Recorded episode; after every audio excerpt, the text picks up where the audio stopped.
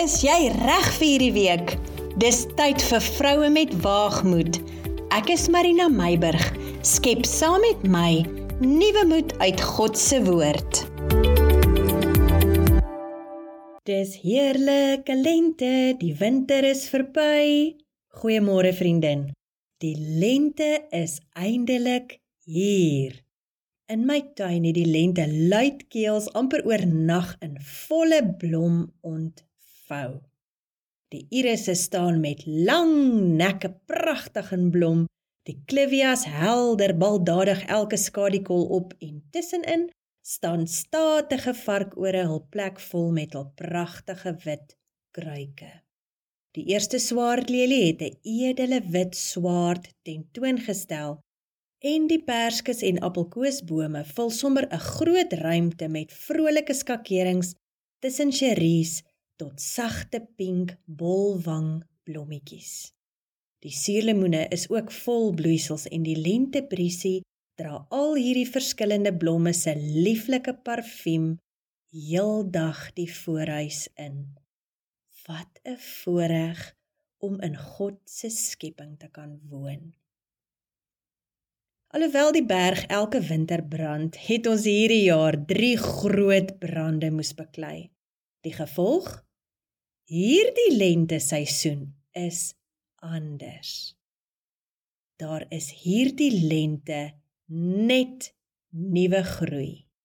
Agter die verwoestende brand staan 'n nuwe seisoen van groen sprietjies op en binne 3 weke het die veld van vaalbruin na doodswart en eindelik na lewenslustige groen verander is God nie fantasties groot nie.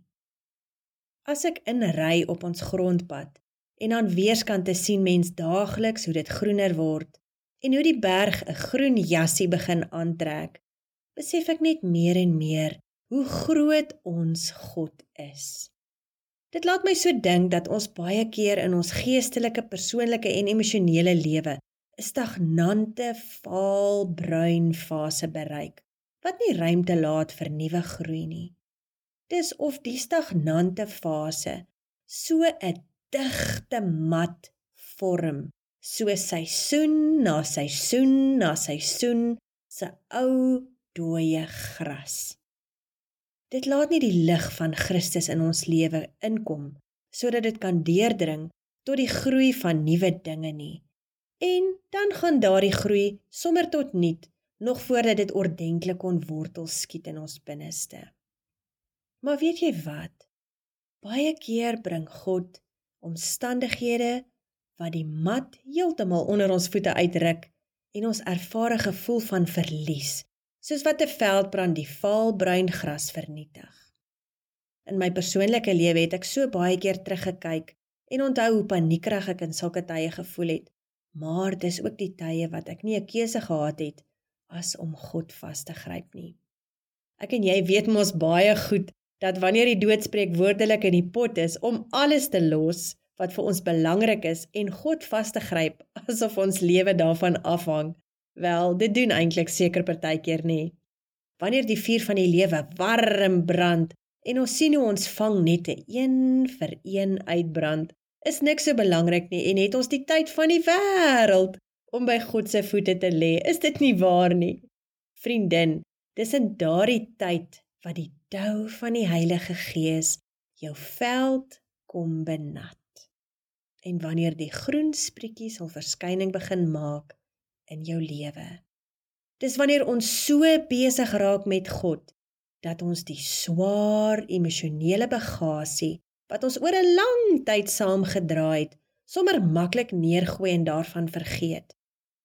Dis ook in daardie tyd wat ons die slegte gewoontes van die wêreld waarin ons deel gehad het, laat staan, want nou spandeer ons daardie tyd aan God. Dis 'n tyd wat ou gruwe, bitterheid, onvergewensgesindheid en al die ou boeye van die verlede aan ons hande en voete uit keuse afgekap en stikkend geslaan word omdat dit die houvas wat dit oor ons lewe gehad het in God se teenwoordigheid tot niet raak. Jy weet, Daardie boeye van die verlede verwys ons spreekwoordelik na as oorlogsletsels of dan battle scars as die Engels vir jou meer bekend is.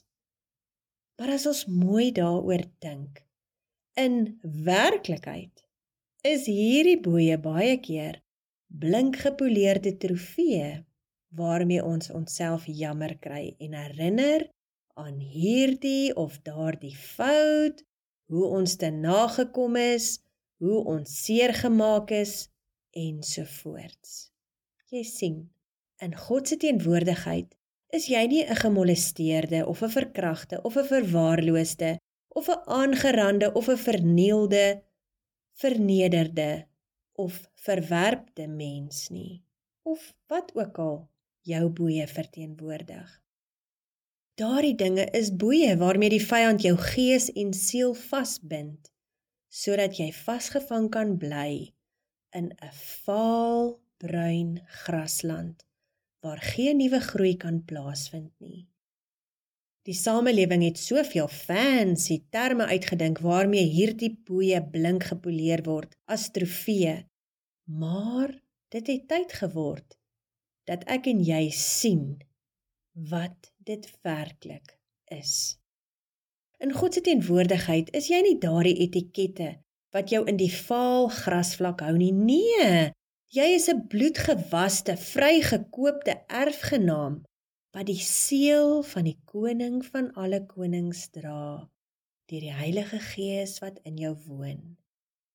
Wanneer jou gees mens 'n koningskind is, 'n lente persoon is, hoe kan ek en jy toelaat dat ons sielsmens die gees van God se werking in ons lewe doodsmoor deur die etikette van die winter verlede. Vriendin, dis tyd dat jy in geloof wegstap vanuit hierdie winterseisoen waarin jy dalk vir baie lank vasgevang is en met waagmoed jou vertroue op God plaas sodat daar 'n lente seisoen in jou lewe kan aanbreek. Die lente seisoen breek aan wanneer ons fokus op God geplaas is. Jy vra dalk, hoekom is dit belangrik om 'n lente seisoen in my lewe te hê? Hoekom kan ek nie maar bly in die winterseisoen waar ek vir so lank al bly dat dit vir my gemaklik geraak het daarin nie? Vriendin, wil jy hiberneer of wil jy in vryheid leef?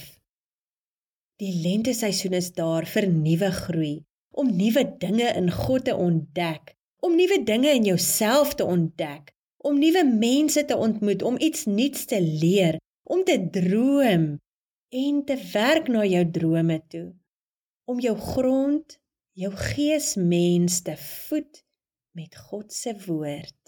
Om verhoudings te evalueer sodat jy ongesonde verhoudings wat jou versmoor, onderdruk en benadeel, uit die weg kan ruim deur vaardighede in grense aan te leer, sodat jy sulke verhoudings beter kan bestuur en ook om God te vertrou vir nuwe verhoudings wat jou aanmoedig om te groei.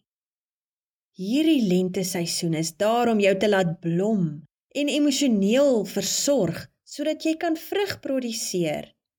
Dalk is jou jarelange vriendin wat jy met jou lewe vertrou, die een wat jou agteraf benadeel. Dalk weet jy dit, maar jy kyk ander pad weens jou lojaliteit aan 'n jarelange vriendskap. Vriendin, As jy in hierdie skoene loop, vra ek vir jou. Is dit nie beter om hierdie vriendskap te beëindig en God te vertrou vir 'n nuwe vriendin wat saam met jou die Here kan dien en jou ondersteun en aanmoedig as om vasgevang te bly in hierdie vaalbruin wintergrasvlakte van die ou vriendskap wat alle nuwe groei in jou lewe dood smoor. Dalk is dit tyd dat jy by 'n vroue Bybelstudiegroep aansluit, 'n gebedsgroep, 'n groepie wat uitreik na ander, 'n plek waar jy jou gawes en talente kan uitleef en waar jy as mens kan groei terwyl jy ook geestelik en in jou verhouding met God groei. Ons almal het lente nodig in ons lewe. Jy het dit nodig en ek het dit ook nodig. Dis ons keuse of ons gaan aanhou hiberneer in die winter en of ons met waagmoed God se hand gaan vasgryp sodat 'n nuwe seisoen vir ons kan aanbreek. In Jesaja 66 vers 13 tot 14 gee God 'n belofte aan Sion. Wanneer ek en jy ons hand in God se hand plaas, kan ons in geloof onsself by hierdie twee verse insluit. Kom ons lees dit gou. Soos iemand wat deur sy moeder getroos word, so sal ek met 'n hoofletter of dan nou God julle troos. En julle sal in Jerusalem getroos word. En julle sal dit sien en julle hart sal vrolik wees en julle gebeente sal groei soos die jong gras. Dan sal die hand van die Here bekend word aan sy knegte en hy sal op sy vyande grimmig wees. Vriendin, God se lente seisoen is 'n wins. Jy wat in die gemaksone van die winter bly hiberneer, ontwaak jy wat slaap en staan op uit die dode en Christus sal oor jou skyn, soos wat Efesiërs 5 vers 14 ons leer. God wil jou troos. Hy wil hê dat jou hart vrolik moet wees en dat jy sal groei soos die jong gras, soos ons gelees het in Jesaja 66. Moenie uitstel nie. Dis 'n keuse, jou keuse. Kies vandag, kies God. Vriendin Mag jou nuwe lente seisoen vrolike sonneblomme, welriekende jasmiin, pragtige lelies en sappige vrug uit jou lewe te voorskyn laat kom. Wees geseënd vandag en ook hierdie week en mag jy God so ervaar soos nog nooit voorheen in jou lewe nie. Ons gesels volgende week verder.